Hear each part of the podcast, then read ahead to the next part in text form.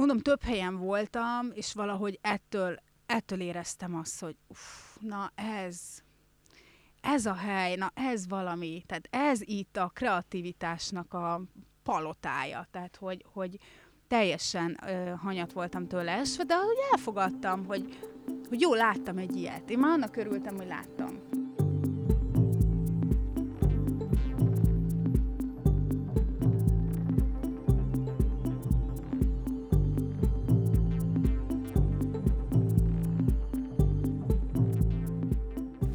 Sziasztok, üdvözlünk mindenkit a Hadova Podcast legújabb adásában. A mikrofonnál Ronci Anita, Feszti. A másik mikrofonnál Család Bence, Bence. Szuper! És folytatjuk a legújabb sorozatunkat, melyben kreatív, inspiráló szakembereket mutatunk be számotokra. A mai vendégünk pedig nem más, mint Nagy Adriana Rien Creations megálmodója. Nagyon köszönjük, Adri, hogy itt vagy velünk. Sziasztok, köszönöm, hogy elhívtatok.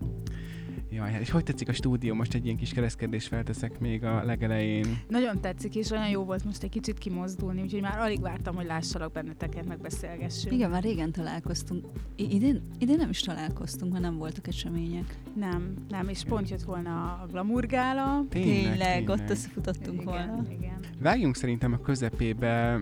Biztosak vagyunk abban, hogy jó pár hallgatónk ismeri a te munkásságodat, de azért beszéljünk így a kezdetekről, hiszen olyan hallgatónk is lesz, aki talán kevésbé, és ezután fog bekövetni Instagramon, Rien Creations néven találtok meg a Rien márkáját, ez itt a reklám helye volt. Picit a gyökerekhez menjünk vissza, hogy honnan, honnan is jött a te ékszerek iránti, vagy az alkotás iránti ambíciód, vagy, vagy milyennek az ilyen múltbéli, nem is tudom, története? Én eredetileg divattervező vagyok, úgyhogy a divat érdekelt mindig is, és hát kislánykoromtól kezdve nagyon érdekelt ez a terület. Egyébként hozzáteszem, hogy két nagy álmom volt, az egyik az, hogy filmrendező legyek, a másik, hogyha nem filmrendező, akkor divattervező. és ebből valahogy ez a... Úgy voltam vele, a filmrendező az túl bonyolult, oda egy egész ö, csapatmunka kell, és túl sok emberen múlik a munka, és hogy mire az ember tényleg megkap egy lehetőséget, az, az, az akár évek, évtizedekbe is. Tehát ezt valahogy ilyen, ilyen tinédzserként így valahogy felfogtam, hogy az egy nehezebb, egyébként még most is azt gondolom, hogy filmrendezőnek lenni egy nehezebb pálya, mint mondjuk divattervezőnek. Úgyhogy maradt ez a második, és, és erre azért tudatosan készültem.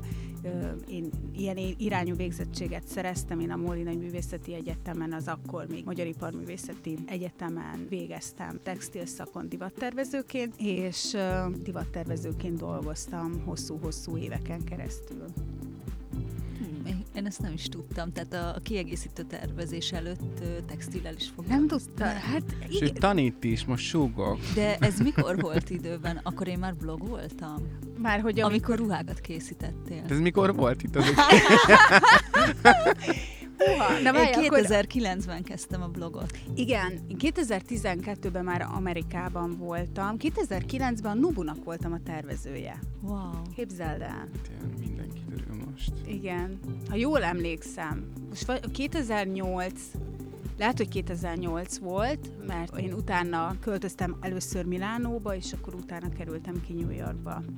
Uh-huh. Erről majd úgyis ö, beszélünk. Beszélünk. Igen. Tehát ö, mennyi ideig vo- voltál ruhatervező? Volt hát én idő? 2005-ben diplomáztam Vesztel. le, tehát 18 évesen ugye fölvettek, ez Igen. egy 5 éves képzés volt akkor, ugye ez egy master diplomát kaptam akkor, és ö, 2005-től 2008-ig, 9-ig dolgoztam itthon Uh-huh. magyar De cégeknek. akkor pont addig, mikor én elkezdtem a blogot, tehát így Igen. váltottuk egymást. Igen, igen. Mert én, én amikor már megismertelek, akkor, akkor igen, kiegészítő tervezőként.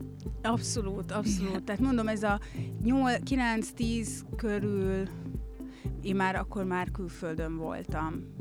És akkor ott eltöltöttem így összesen egy-két évet ezzel, a, ezzel az időszakkal. Ez Milánó volt a két Milán, év? hát Milánó az csak pár hónap volt. Ö, Nem, nem, nem volt annyira milyen szeretni való számodra, vagy mi volt benne? Na hát elmondom nektek, ha nem emlékeztek rá, hogy 2008-ban volt a nagy gazdasági világválság. Igen, és, most teljesen ki, kifúrta az agyunkból a vír, koronavírus, Igen, úgyhogy most is igen. felejtettük.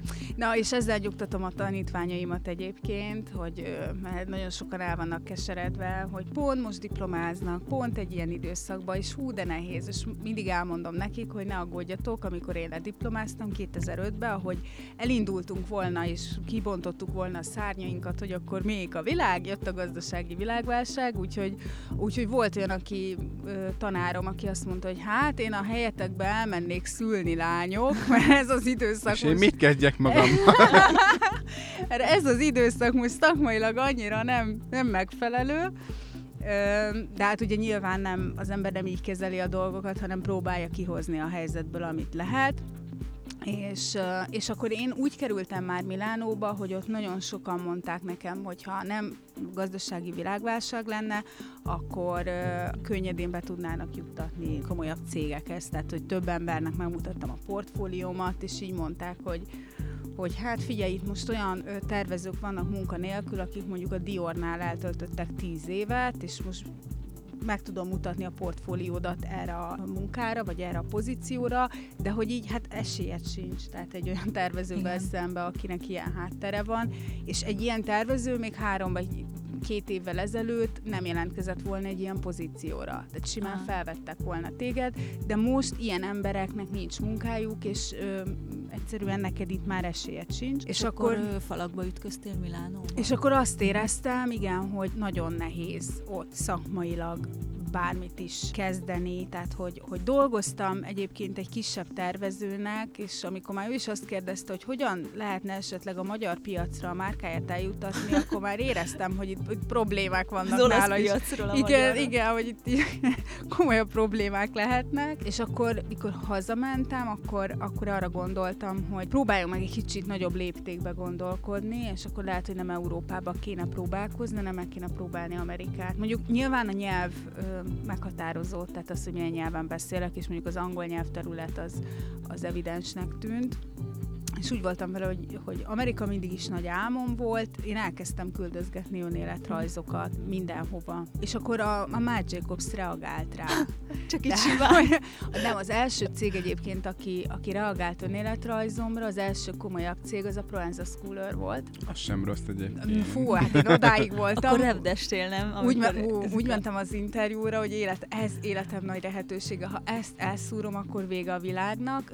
Velük Párizsban találkoztam, mert hogy mondták, wow. hogy ugye nem menjek ki New Yorkba, hanem uh-huh. a, az egyik vezetők egyébként, aki utólag kiderült, a Marc Jacobsnál dolgozott korábban, tehát ennyire pici a világ amúgy. Ő vele találkoztam, de ő a szélszér volt felelős, és így utólag már látom, hogy eleve hibás volt a, az elképzelés. Valószínűleg én egy ilyen teher voltam a nyakába, tehát hogy nekem nem vele kellett volna beszélgetnem, hanem a design részlegről valakivel. Tehát nekik ott kellett valaki tervező, és egy, egy szélszás azt se tudja, hogy mi a, mi a prioritás, vagy kit keresnek, vagy mit keresnek. Első pillanattól kezdve egyébként azt éreztem, hogy nem figyel oda hát úgy fogott velem kezet, hogy nem nézett a szemembe. Ő már azon aggódott, hogy a másnap, amikor ugye jönnek a bájerek, milyen eladásokat tud a cég produkálni.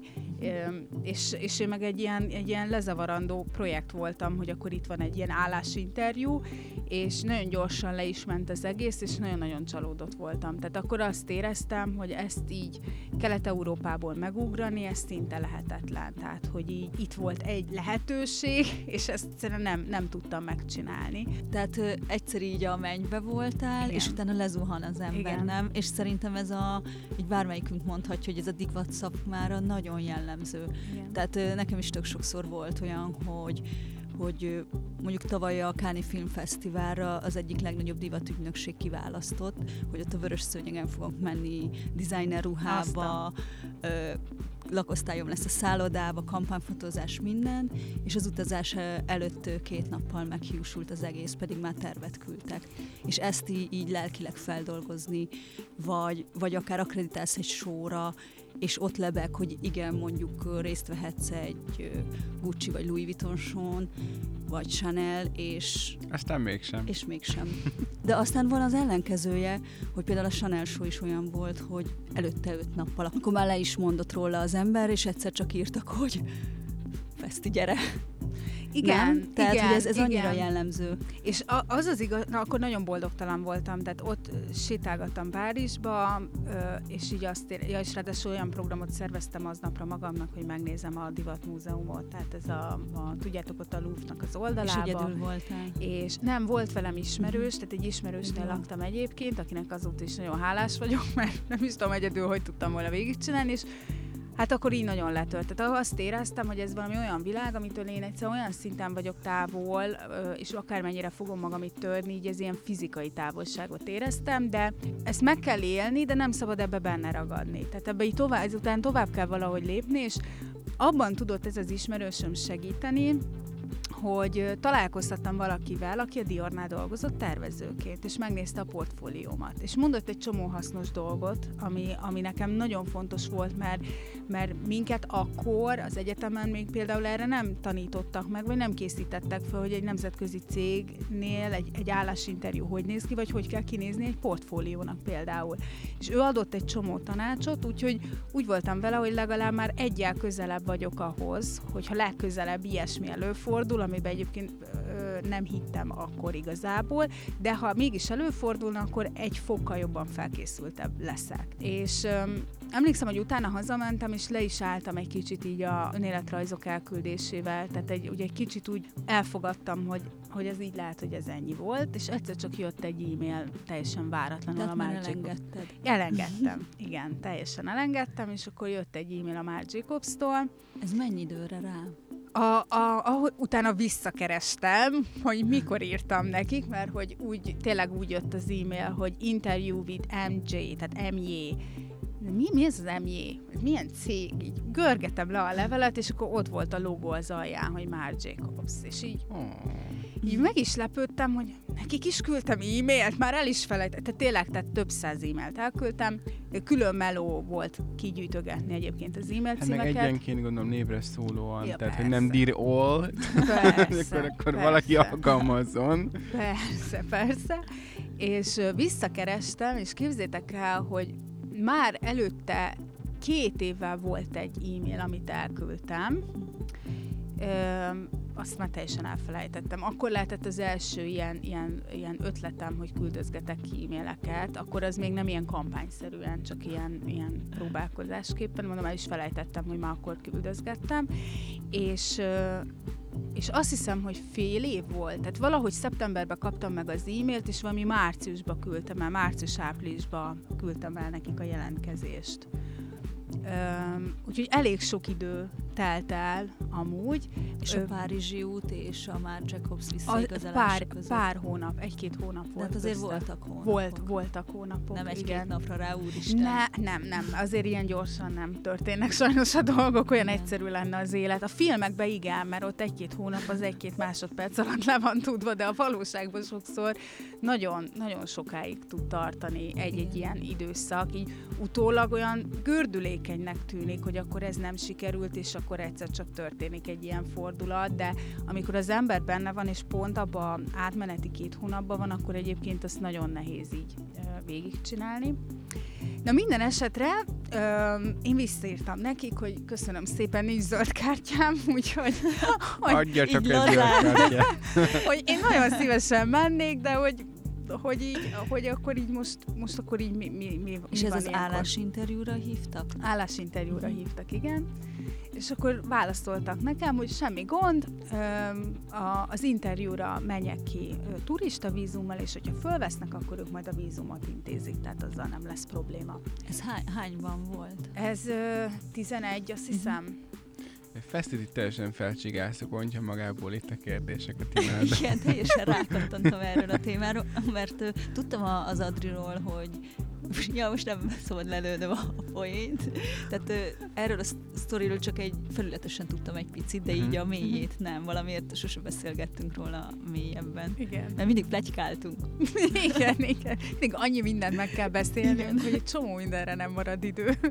Míg a jelennel el vagyunk foglalva, meg a jövővel, a múlttal, meg már úgy annyira nem tudunk foglalkozni, igen. És szerintem ez, ez nagyon izgalmas, és szerintem a hallgatóknak is egy ilyen történetet végighallgatni, ahogy Magyarországról is miket lehet elérni. és én egyébként imádom ezt mesélni. Tehát, hogy ez akkora élmény volt az egészet végigélni, meg végigcsinálni, hogy, hogy semmit nem változtatnék az életemen. Ezt a részét tekintve, hogy ebbe így belementem, meg, meg hittem benne, meg küzdöttem érte, és hallgatóknak is, a diákoknak az egyetemen nagyon szeretem ezt elmesélni, hogy, hogy érezzék azt, hogy egyébként, hogy egy csomó buktató van, és, és az ember sokszor falakba ütközik, és egyébként nagyon könnyű messziről azt nézni, hogy valaki sikeres, és felveszik, és sikerül neki, és megcsinálja, és arról már kevesebbet beszélnek, vagy kevésbé van ö, reklámozva, amikor valami nem sikerül, és mély ponton van, és abból ki kell kecmeregni. És szerintem ez időzítés is fontos, hogy ja igen, de hogy mennyi időt telt el a kettő között, két hónap, és akkor addig te mit csináltál két hónap alatt? Hát próbáltam nem, nem teljesen kiborulni. Tehát, hogy, hogy, hogy, hogy ezeket tényleg ö, szerintem nem árt elmondani, és amúgy már egyre több mindenkinek sikerül ez. Tehát, hogy most már a mostani diákok, a hallgatóimnak már sokkal jobb lehetőségeik vannak. Tehát, hogy nekik azt, hogy elmehessenek külföldre, akár ilyen fizetett gyakornoki pozíciókba, ezek már sokkal jobban meg vannak oldva, meg, jobban, meg hisznek is jobban benne szerintem. Tehát ez már nem olyan elvetélt ötlet, mert van már rá példa, hogy XYZ is megcsinálta, akkor talán nekem is sikerülni fog. Nekem ez azért volt nehéz, mert nem volt előttem példa, hanem mindenki azt mondta körülöttem, hogy te, te hülye vagy, tehát hogy te hogy gondolod? Tehát, hogy így te el vagy, el vagy tévedve, ha azt gondolod, hogy egy magyar egyetemről egy olyan helyre bekerülsz, ahova egyébként mindenki beszeretne jutni. Igen, De... szerintem a Bencével mi is így voltunk a Fashion meg a nemzetközi úttal. Igen, most annyi még csak nem egy hallgatóknak tök jó ilyen, ilyen extra információ, mert ezt nem, nem mondtuk el, de valamennyire következtethettek róla, hogy, hogy a Momentanit az ugye most amellett, hogy a saját márkádat Igen menedzseled és tervezel, tehát hogy mondhatni, ahol tanultál, most ott tanítasz, úgyhogy Igen. ez egy fontos információ, ugye azért említi Adri többször a, hallgatóit és a tanítványait, akik, egyébként, akik előtt egyébként egy tök jó példa pont ebben a témában. Igen, köszi, igen, igen, ezt, ezt nem mondtam el, hogy én utána, amikor Amerikából hazajöttem, akkor, akkor fel. De itt még ugorjunk vissza, vissza Amerikára. Akkor igen, én nagyon izgatott vagyok. És Bocsánat, csak gondoltam hozzáfűzöm, hogy mielőtt elfelejtjük itt a jó, nagy izgalmak közepette. ki, hogy mi történt már Jacobszal. Ugye, megveszi rá a pörögbe. Mikor találkoztál vele? Igen. Most hogy találkozott -e egyáltalán, mert az sem derült ki. Mindjárt rejtünk oda a novellában, úgyhogy nyugi. És mindig, mindig ilyen reklámszünetek vannak. Igen. De már elmesélem azt, hogy egyébként az a nagyon vicces, hogy van egy dokumentumfilm a Marc Jacobsról, amit én... És mert... szerepelsz benne. nem, nem, nem, nem. Hanem hanem akkoriban nagyon sok angol nyelvű szakmai filmet próbáltam megnézni. Végignéztem az összes Project Runway-t például, mert hogy, mert hogy valahogy bennem volt az, hogy, hogy muszáj, hogy az angol tudásomat fejlesztem, hogy az angol szakma, és kifejezetten a szakmai szavakat valahogy fölszedjem magamra, és megnéztem, pont a Marc Jacobsról volt egy dokumentumfilm, és úgy álmodoztam arról, hogy az a, az a stúdió, hogy ez milyen fantasztikus, és akkor ott jönnek, mennek, és a varrógépek, és a, ez a, ez a loft jellegű, ez a New Yorki loft, és így úristen, ez, tehát tényleg az álmaim ne továbbja volt. Öm, és az igazsághoz az még hozzá tartozik, hogy én előtte jártam New Yorkba, és nem csak e-mailbe, e, előtte, hát az úgy képzétek el, hogy előtte nem is tudom mennyi, egy, egy évvel előtte talán, és egy-két helyre én bevittem az önéletrajzomat személyesen, így fogtam és bevittem a portára, hogy akkor én szeretnék dolgozni, és a Matt Jacobs is köztük volt, és pontosan emlékszem az érzésre, fölmentem, becsöngettem, és így pont egyébként bemutató előtt voltak, azt úgy már, ezt így nem tudtam, most így utólag már tudom, hogy ott milyen normálisan a hangulat, és akkor milyen volt, tehát hogy ott voltak a táskákhoz a, az alap, az a tiszta felfordulás volt, normálisan egyébként ott tök nyugi van, meg rend van, de hogy ez a, ez a lehetett szín, a levegő szikrázott a kreativitástól, és pontosan emlékszem, leadtam a, a kis anyagomat a, a recepciósnak, és úgy mentem le a lifttel,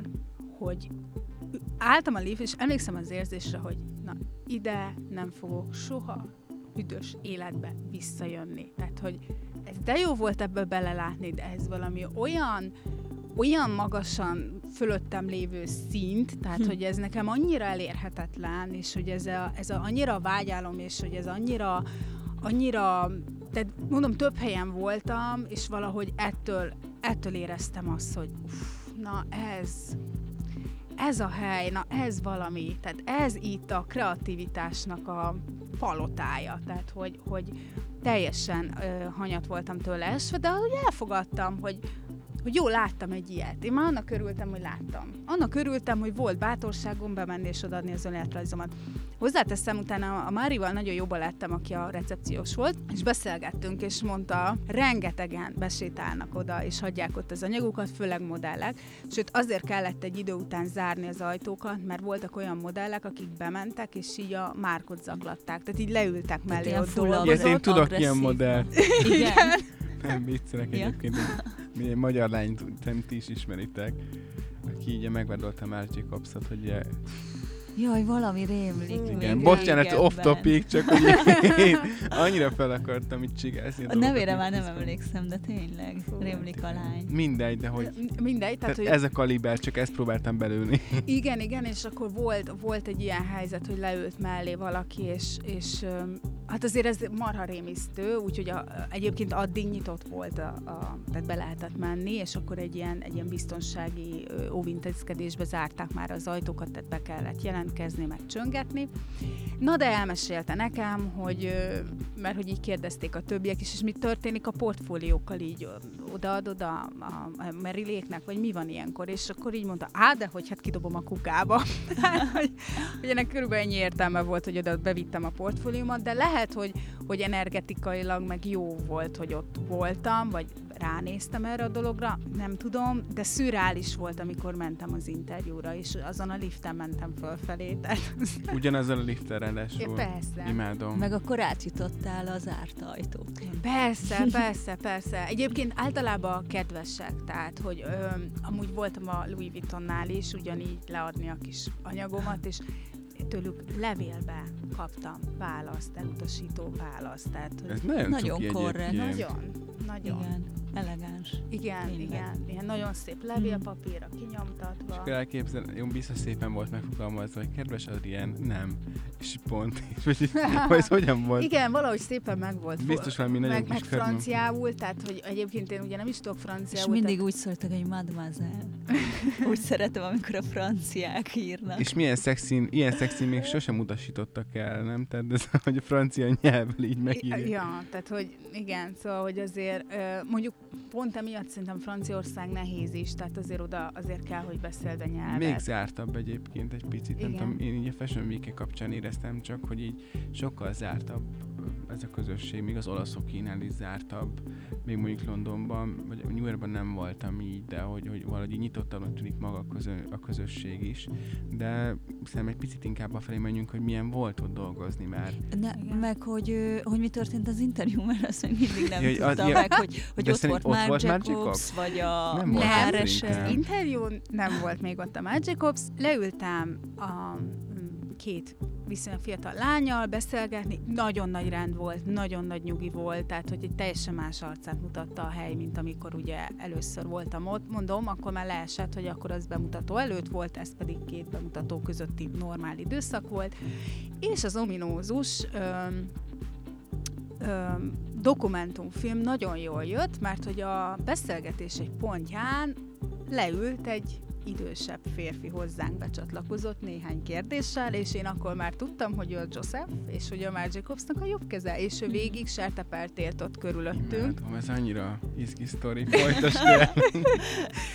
és, és akkor már gondoltam, hogy valószínűleg nem véletlenül mm, volt ott közel, tehát hogy ő szerintem ő kiszűrte, hogy kinél ül le, és ki az, akinél egyébként nem is ül le beszélgetni, és, és ő leült, és elkezdett kérdezgetni dolgokat, és akkor már gondoltam, hogy na itt most már, itt már, emel, tehát itt már tétet emeltünk, tehát ez most már kezd komolyodni. De nagyon tök jól ment a maga az interjú. Én úgy mentem be, hogy ezt élvezzük ki. Tehát még akkor is, akkor sem arra, hogy úristen, mi lesz, ha nem jön össze, úristen, akkor most az életem múlik ezen, hanem, hanem fú, ez is marha nagy dolog, hogy ideig eljutottam, és hogy egy ilyen interjúban részt veszek, ezt most próbáljunk meg, felkészültem rá, élvezzük ki. Tehát, hogy ennek most minden percét ki kell élvezni, arra kell emlékeznem, hogy ez milyen nagy élmény volt az életemben, nem pedig arra, hogy szanasztét izgultam, és hogy egy, egy rossz, rossz emlék maradjon. Ö, nagyon szépen lement az interjú, eljöttem, ö, és, és akkor egy pár napra rájött az e-mail, hogy akkor...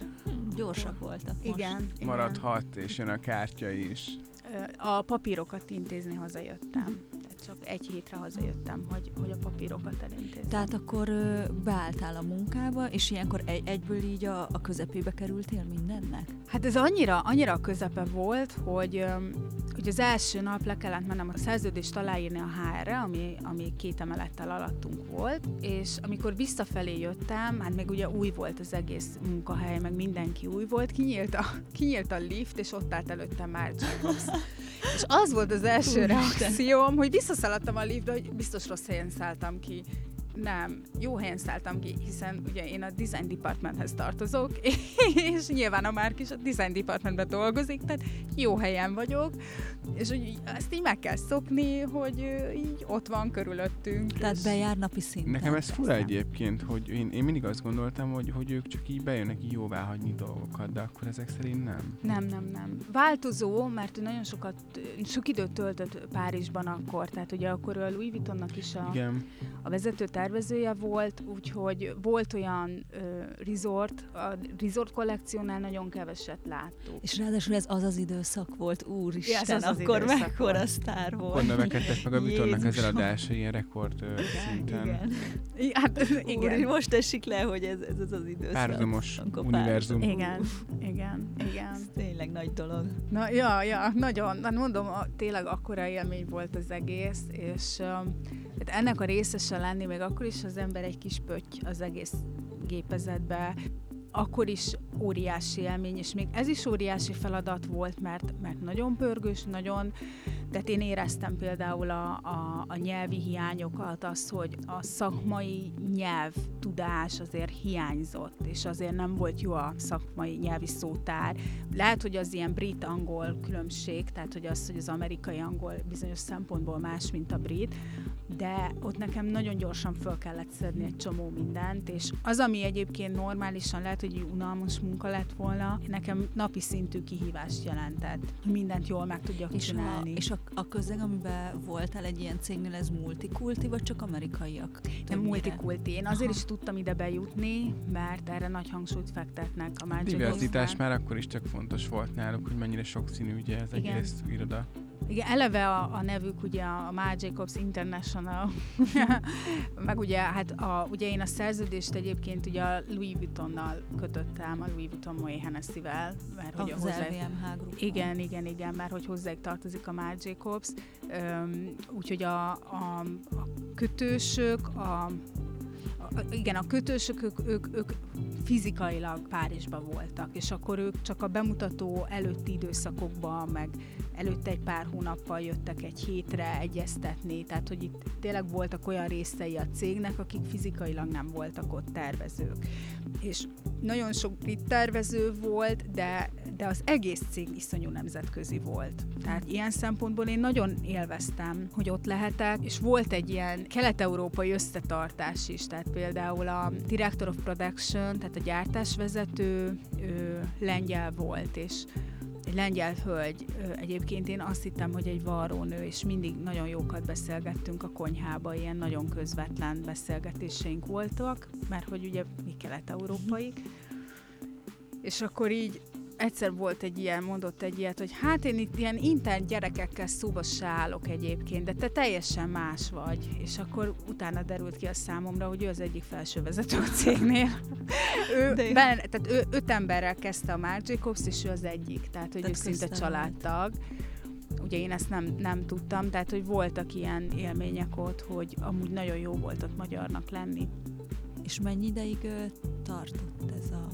Ez, hát két szezont voltam, két szezont voltam Tehát ott. szezonok vannak. Szezonok ez egy év, vannak. nem akkor uh-huh. körülbelül? Kevesebb volt. Azt tudni kell, hogy az a vízum, ami, amivel én voltam, azt ugye megadott időszakra, tehát max. egy évre tudják kiadni, és ugye előre engem meghosszabbítottak, tehát hogy engem először csak egy szezonra vettek föl, és utána 5000 dollárjába fájt a Magikovsnak, hogy engem meghosszabbítottak. Tehát, tehát azért akartak. Igen, igen, ők akartak, és ott is az volt, hogy szóval, hogy nagyon nehéz egyébként, de most ebbe lehet, hogy nem is kéne belemenni, mert nem akarok ilyen, tényleg milyen nehéz külföldinek lenni Amerikába, de hogy amúgy az egész cég elfelejtette, hogy nekem lejár a szerződésem. Tehát én ott álltam mert szeptemberben. Ment az a nagy gépezet. Ment a gépezet, igen. és megszokták, hogy ott vagyok, és ugye szerették, hogy ott vagyok, és így, így, így mondták, hogy, hogy akkor október így, meg úgy, és így jeleznem kellett, hogy gyerekek, én már októberben nem vagyok itt. Ja, te elmész? Hát de én maradok szívesen, én nagyon szívesen, csak hát ugye ők se, tehát a vízum dolgokkal ők se tudnak mit És kezdeni. a vízum miatt kellett hazajönni? Hát úgy, úgy nézett ki, hogy meg volt adva, hogy a, az utolsó hónap az egy utazgatásos egy évből, és én azt az egy hónapot azt ugye kielveztem, tehát én is így utazgattam, de én mondtam nekik, hogy én ezt például szívesen ledolgozom, és akkor mondták, hogy hát nem lehet, tehát azt nem lehet, hogy én azt ledolgozom. Tehát, hogy ilyen nagyon kemény megkötései vannak egyébként ezeknek a vízum témáknak, úgyhogy ott azt éreztem, hogy még lehet, hogy simán maradok, hogyha, hogyha ha, ha nincs ilyen probléma, de hát és olyan nem lehetett volna, hogy hazajössz, és akkor utána egy újabb vízumot igényelni? Vagy akkor a gépezet, hogy ennyire meg már nem törődnek mindenkivel? Hát úgy néz ki az egész, hogy hogy különböző szintek vannak, tehát két vezető tervező a, a már alatt, és nekik van egy-egy asszisztensük. És én alattuk dolgoztam. Tehát, hogy én az ő asszisztensük voltam, és ezen a szinten ezek olyan gyakornoki pozíciók, amik már fizetettek. Tehát ide már nem kezdőket és nem ö, tanulókat vesznek föl. Olyan, olyan kollégáim voltak, akik már, már négy-öt éveket eltöltöttek hasonló jellegű cégeknél egyébként, és ezt a kör cserélgetik. Tehát, hogy itt fél év, egy év a max. Ja, hogy mindig ami... egy, egy friss kreativitást hozzanak igen, a cégbe. Igen, igen, Tehát ez egy és, ilyen bevált. Igen, és hogyha ha van megüresedés ott valamilyen pozícióra, akkor éppen aki ott van, és aki a legjobb, abból választanak. De például már most a két vezető tervező, vagy a két asszisztensből, akik a, a közvetlen szupervisoraim voltak, egyik sincs ott.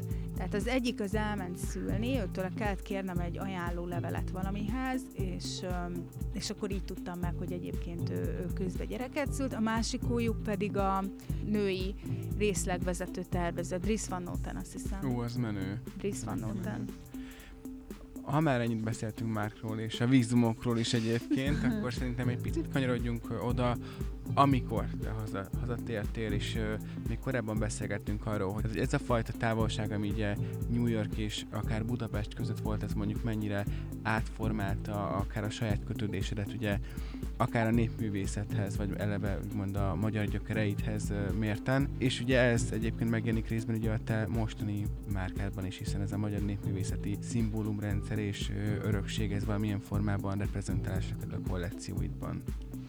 Én nagyon szerencsés voltam, mert nagyon jó volt kint magyarnak lenni, nagyon jól fogadták, hogy magyar vagyok. Egyébként ez még a, a Práda napszemüveg kampány előtt volt, nem tudom mennyire emlékeztek erre, hogy szerintem az volt az első ilyen, ahol konkrétan Kelet-Európa nagyon erősen belépett. Amikor a, pá- a Párizsi udvarban, udvarban fotózták, igen, a, meg forgatták. forgattak is filmet, igen az volt szerintem az első ilyen nagy áttörés, ahol, ahol nagyon menő lett hirtelen Kelet-Európa. És a Márknál jellemző, hogy észreveszi ezeket a, a irányzatokat. Tehát ő hirtelen, szerintem ott ők felfigyeltek arra, vagy reagáltak arra, hogy ú, ez lehet, hogy izgalmas lesz valaki Kelet-Európából, mert hogy, mert hogy tudja a nyelvet, képbe van, tényleg ilyen nyugati gondolkodásmóddal rendelkezik, de mégis egy más jellegű kultúrából jött, más élt meg gyerekkorába, más vizuális ingerek érték, hogy ez, ez izgalmas lesz itt. És, és valahogy mindenki így is kezelt. Tehát, hogy, hogy én egy nagyon pozitív visszajelzéseket kaptam. Tehát volt olyan kollégám, aki azt mondta, hogy jaj, de jó, te vagy az első magyar, akivel találkozok. és mondtam, hogy ú, szuper. Másik, egy másik, volt egy, egy olyan diáklány, aki úgy volt a gyakornok, hogy mellette iskolába járt, és ne kérdezzétek, hogy, de így azzal állított be valamelyik nap, hogy képzeld el, hogy mit tanultunk ma. Mondom, mit? Mesélj! Fesztikörképről. Fesztikör, hát ez valami csodálatos, és az ott van Magyarországon, és hogy rád gondoltam, és újjongva mesélte, hogy pont egyébként a magyar kultúrából miért a fesztikörképet, vagy milyen kontextusba tanítják. Mit tettél? Mit tettél? azt, azt nem tudom, de hogy hogy, hogy én szerencsére, de ugye azért én egy, egy olyan közegben is voltam, tehát egy ilyen kulturálisan nagyon nyitott közegben voltam, ott nagyon pozitív van reagáltak arra, hogy honnan jövök, vagy mit tudhatok, vagy milyen a látásmódom. Igazából rájöttem arra, hogy az a látásmód, amivel rendelkezünk, az teljesen sajátos, és hogy egyébként én megtanultam Budapestre is másképpen nézni. Tehát, hogy amikor hazajöttem, hirtelen egész Magyarországon a magyar kultúrát és Budapestet is sokkal különlegesebbnek láttam, mint amikor itt voltam benne, és olyan evidens volt. És a, a népművészetünk, a népviseletek, tehát előtte is érdekelt, de de például az, a, az az irányzat, amit ott elkezdtem, és ami már itt egyébként átkapcsolódik az ékszereimre is. Tehát amikor ö, hazajöttél, akkor a ruha, a, terv, a ruha rész az abban maradt, és kezdtél átmenni az ékszer irányba? Na, az történt, hogy hazajöttem, és ö, felvételiztem a Mobinak a doktori képzésére. És ö, ö, felvettek, és tudtam, hogy elkezdem a, a doktori képzést, és azt is tudtam, hogy ruhás témám lesz. Tehát abszolút egy szabászati metódusokkal kezdtem el foglalkozni, ez is egy hosszú történet, tudnék róla órákat mesélni, hogy mi mindent tanultam meg ez alatt a periódus alatt, amit külföldön voltam, és mi mindenben világosodtam meg, ami utána a doktorimhoz vezetett, és meg voltam róla győződve egyébként, hogy én, ruhákkal fogok foglalkozni, és akkor jött a nyár, ugye tavasszal fölvettek, ősszel iskola, és szerettem volna valami kreatív projektet csinálni, ahol le tudom vezetni ezeket. Ti is ilyen kreatív emberek vagytok, ezt ismeritek, hogy tehát valami kreatívat muszáj csinálni. Mindig más. És mindig más. És miért igen. vagyunk akkor itt, ugye?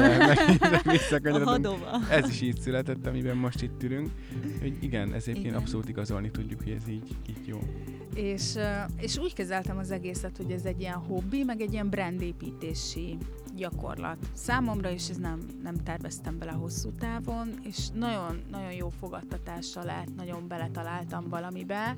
Egyre fontosabbá vált az életembe, és szinte észrevétlenül átvette a, a ruhák szerepét, tehát átvették a ruhák helyét az ékszerek, de Közben meg nem érzem úgy, hogy szakmát váltottam volna például. Tehát, hogy ugyanúgy divat, ugyanúgy az öltözködéshez kapcsolódik. Meg hát ugye nem ötvösként tanult. Így tehát ez egy nagyon fontos Igen. dolog ebben az egész dologban, hogy tehát te nem ötvösként dolgozol a mai napig, hanem az egyik kvázi ezek a divat ékszerek, amelyek ugye kézzel készülnek egyenként. Nem is tudom, hogy, hogy milyen van, a metódusa. Van, van erre egy, egy kifejezés egyébként, hogy hand embroidered jewelry. Igen, igen, igen. Ez a, ez a pontos definíciója annak a, a műfajnak, amit én csinálok, és ugye nagyon sok gyöngyöt használó, kézi hímzésű ékszernek tudnám lefordítani, de ha belegondolunk egyébként a magyar pártákhoz, a magyar gyöngy ékszerekhez, teljesen közel áll az, amit én csinálok így műfajilag. Én nagyon szeretem, be kell vallanom, de hát ezt nem tud, meg ezt Fest is nagyon szereti, úgyhogy Mindkettőnknek vannak. Szívünk csücske a, az összes kreáció egyébként, úgyhogy ezért Igen. is ülsz itt. És azt egyébként tudjátok, hogy már New Yorkba is lehet kapni az ékszereimet? Nem, nem de ha oda megyünk, akkor most már onnan kell beszerezni. Úgyhogy igen, tehát ilyen, az élet ilyen, hogy ez, ez, ez például ez nem egy erőltetett dolog volt. Voltak próbálkozások, de most, most egyszer csak így be, bejött egy olyan lehetőség, hogy most van egy viszonteladóm kinn, aki, aki foglalkozik az ékszereimmel, és... Akkor New York az mindig visszatér. Vissza, Visszaköszön. És tervezel egyébként még visszatérni így hosszabb időre, vagy inkább már csak mint most erre azt tudom mondani, hogy ahogy az élet hozza. Tehát én most egyébként jól vagyok itt, ahol vagyok, úgy megtaláltam magam minden téren. Nagyon szeretek tanítani.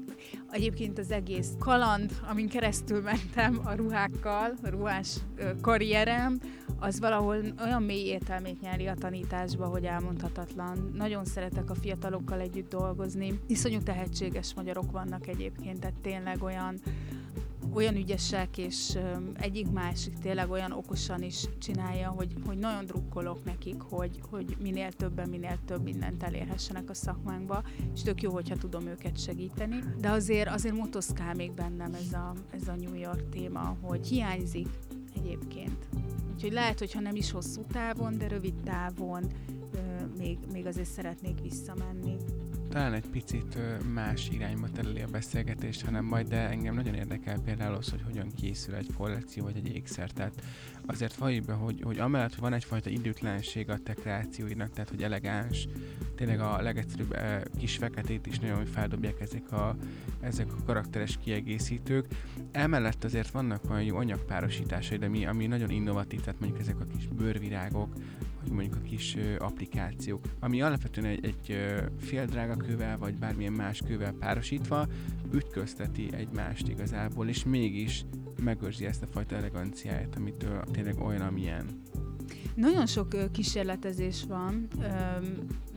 Eleve egy pár évben egyébként beletelt, mire, mire tényleg megtaláltam azt a dizájnban azt az eszenciális vonalat, ami a Rient képviseli, és ami onnan tudom, hogy jól működik, hogy hogy sokszor kiszúrják a fülbevalóimat különböző megjelenésekbe. Olyan emberek, akik úgy nagyjából ismerik a munkámat, de hogy nem napi szinten, nem minden egyes ékszeremet, és azt gondolom, hogy ez már nagyon jó, hogyha valamilyen fölismerhető, és küldenek egy fotót például egy celebről, hogy ez nem a te fülbevalód, és akkor így vissza tudom írni, hogy de igen, ez az.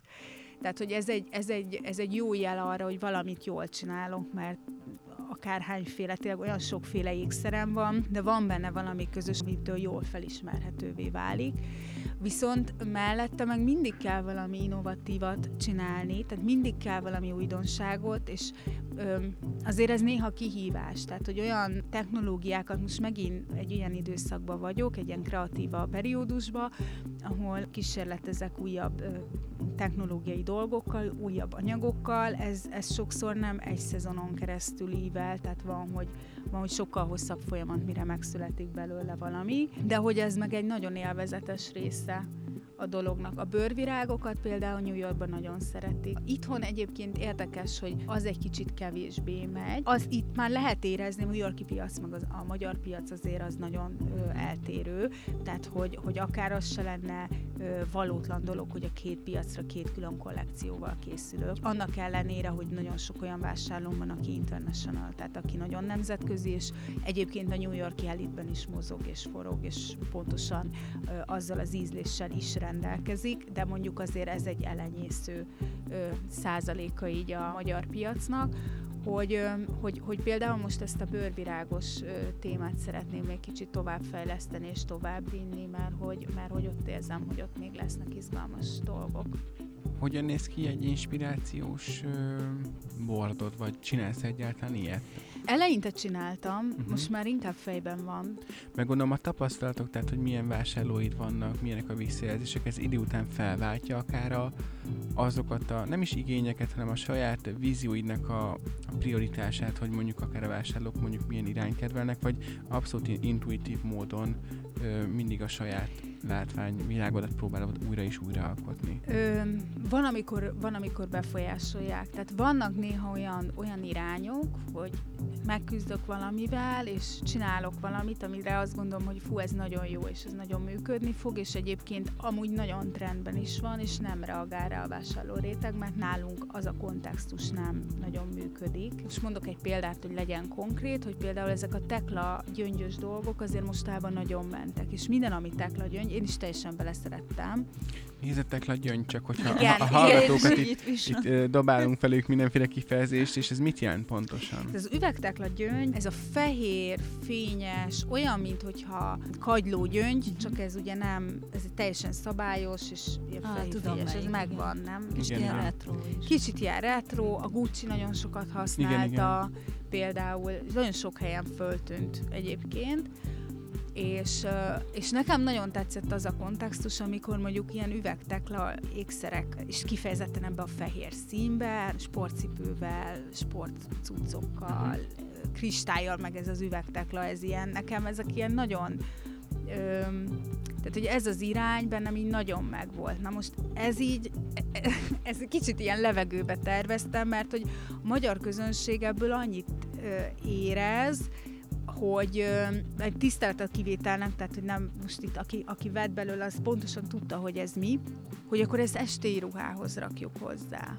és ez azért nem egészen ez az esti ruhás viselet lenne, vagy ott is, ott is egy kicsit ez az edgy dolog, mert különben ez be tud ilyen konzervatívvá is tud egyébként válni, és, és ott például abban az irányba azt éreztem, hogy ez úgy nem találta meg a helyét, úgy, hogy közben egyébként a 20 évesek meg agyonik hordták a nagy teklakarik a fülbevalókat, tehát hogy nem gondolom, hogy ez, ez kicsúszott volna, vagy nem lett volna trendben, hanem egyszerűen nem találta meg a helyét itthon, a, abba a rétegbe, vagy abba az árkategóriába, amiben én dolgozom, és ilyenkor az ember azt érzi, hogy iszonyú sok energiát tett bele üresen. Tehát akkor nem, nem minden kollekció talál bele. És van, hát mondjuk ez volt az egyetlen, egyetlen.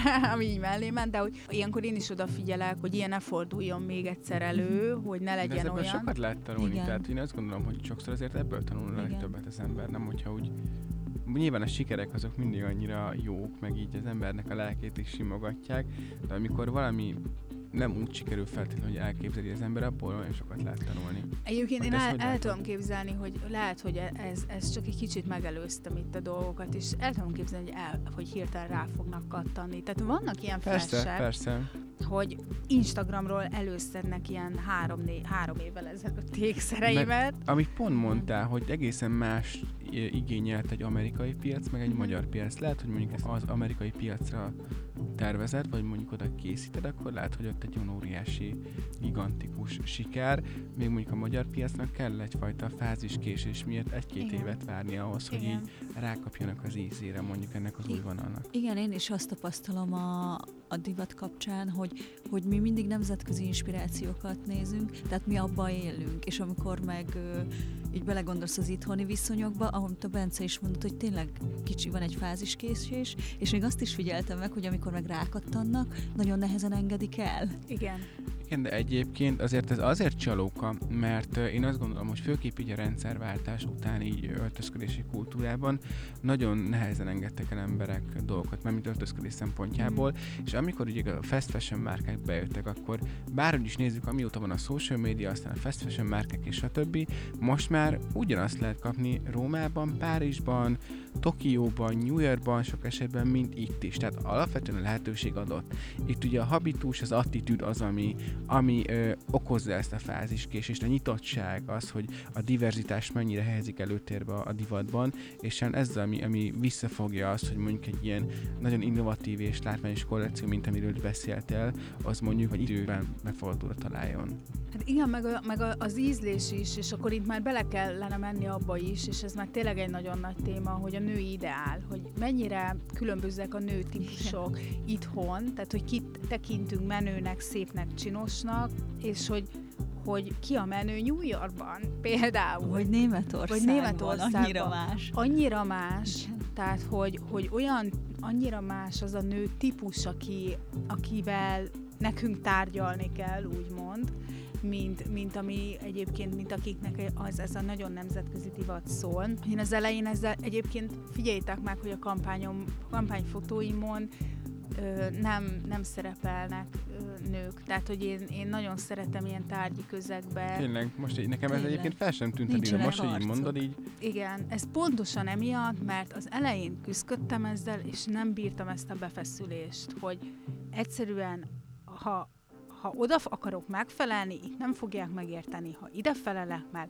az ott kint nagyon kelet-európai lesz, tehát nagyon, nagyon, mondom, nagyon más típus uh-huh. kell, és az, hogy mind a két helyre jó legyen, akkor meg, akkor meg egy nagyon fast fashion lesz, egy ilyen nagyon semmilyen. Tehát, hogy ezzel így nagyon nehéz, nehéz mit kezdeni, és nem tudok itthon úgy csinálni, mint hogyha nem ennek a piacnak dolgoznék. Tehát nem tudok úgy csinálni, mint hogyha csak amerikai közegben lennék, és ezzel nagyon-nagyon küzdöttem, és egy idő után elengedtem, és azt mondtam, hogy ha nem teszünk bele nőt a kampányba, tehát, tehát ezt, ezt a problémát kikerüljük, akkor talán egy, egy, egy egy picit közelebb leszek, és jobban fog tudni a vásárlóm is azonosulni vele, miközben kompatibilis lesz mondjuk egy, egy külföldi vevő körnek is.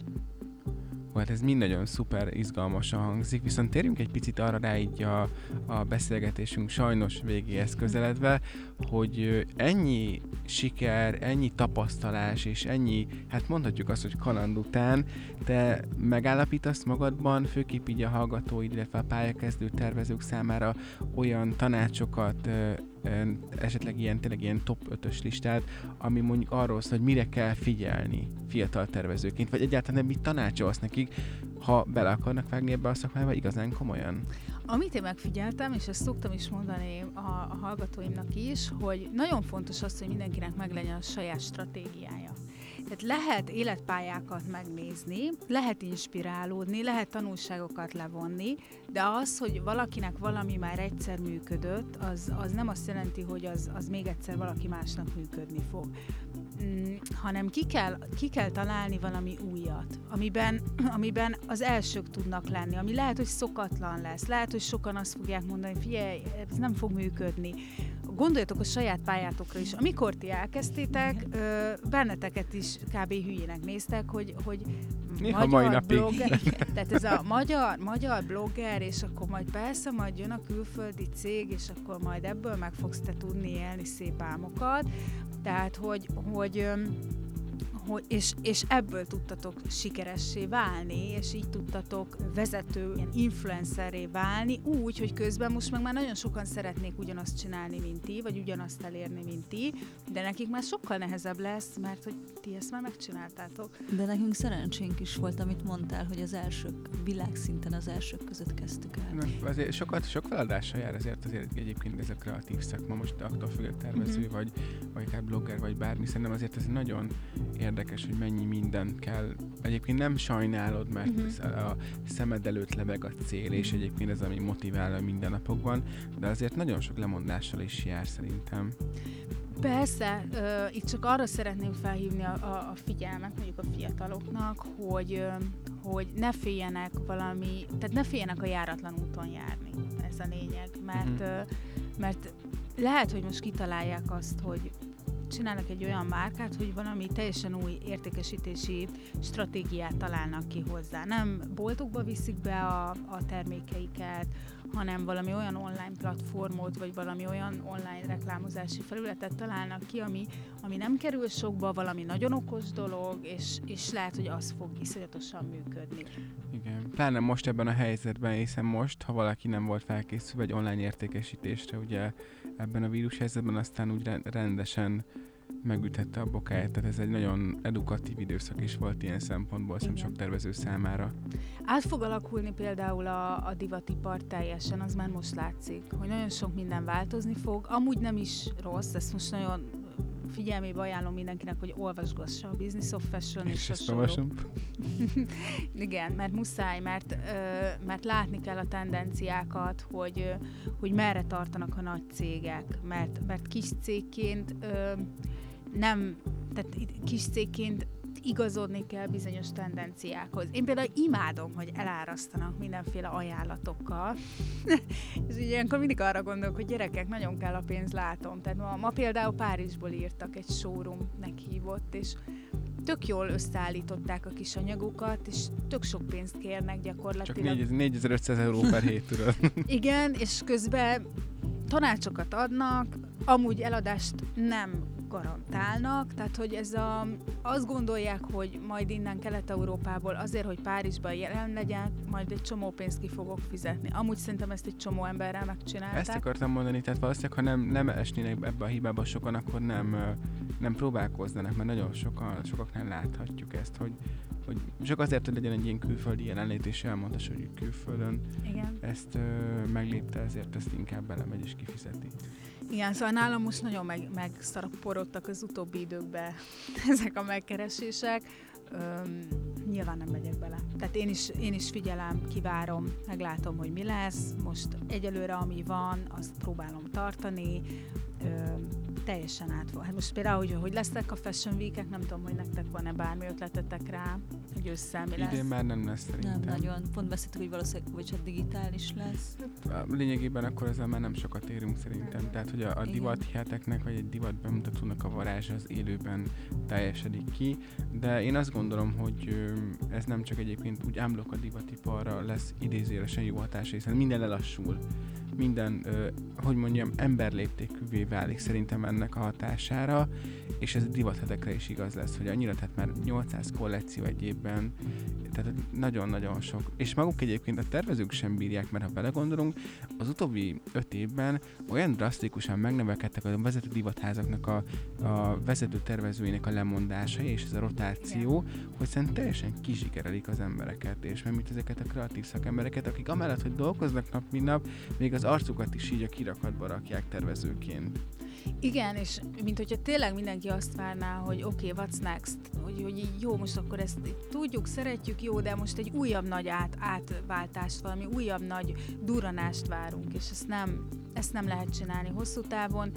Belefáradt maga a divat is ebbe. Én azt gondolom, hogy, hogy meg az egész, az értékesítési folyamat is én az, azt látom, hogy ez a showroom rendszer, Fashion Week rendszer, még akár ezek a nagy kiállítások, meg az ilyen nagy vásárok, hogy azt is egy kicsit úgy érzem, hogy kiürült. Tehát, hogy már messze nem az van, hogy az ember tervezőként elmegy egy ilyen vására, és akkor ott neki lesznek vevői, hanem valahogy valahogy lehet látni, hogy ami tíz évvel ezelőtt egy működő stratégia volt, meg egy működő rendszer volt, az, az most már nem az, és azt az, abba az irányba már nem, nem szabad menni. És közben meg azt látjuk, hogy online Instagramról iszonyú mennyiségű termékeket adnak el. Hogy valami nagy változás lesz, ki kell várni ennek a végét, tehát hogy meg kell nézni, hogy, hogy, hogy mi lesz, és akik meg ugye most fiatalok, meg pályakezdők, ez abszolút uh, igazodni kell majd. Hát nagyon örülünk szerintem, hogy ennyi témát érintettünk. Tényleg itt volt így a te pályakezdésettől kezdve a márka kiteljesedéséig minden terítéken, és nagyon reméljük, hogy a hallgatóink között lesz olyan akár pályakezdő divattervező, aki megfogadja Adriennek az intelmeit, és tud belőle erőt meríteni, akár a történetiből, vagy akár itt a végén megejtett ilyen tanácsokról. Ö, nagyon szépen köszönjük, hogy velünk tartottatok a Hadova legújabb adásában. Ne felejtjétek, hogy megtaláltok bennünket Instagramon és Facebookon is minket minket ugye Hadó a Podcast néven. Nem mellesleg nagyon fontos, ezt egyébként mindig elfelejtem mondani, de az egyik az, hogy Spotify-on, Apple Music-on és YouTube-on is megtaláljátok az összes adást, ami nagyon-nagyon fontos. Iratkozzatok fel, vagy nem is tudom, hogy milyenek a megfelelő szakifejezése. Mindenesetre mi köszönjük, hogy velünk tartottatok, és találkozunk legközelebb. Adriának pedig köszönjük, hogy itt volt velünk. Köszönöm szépen. Sziasztok!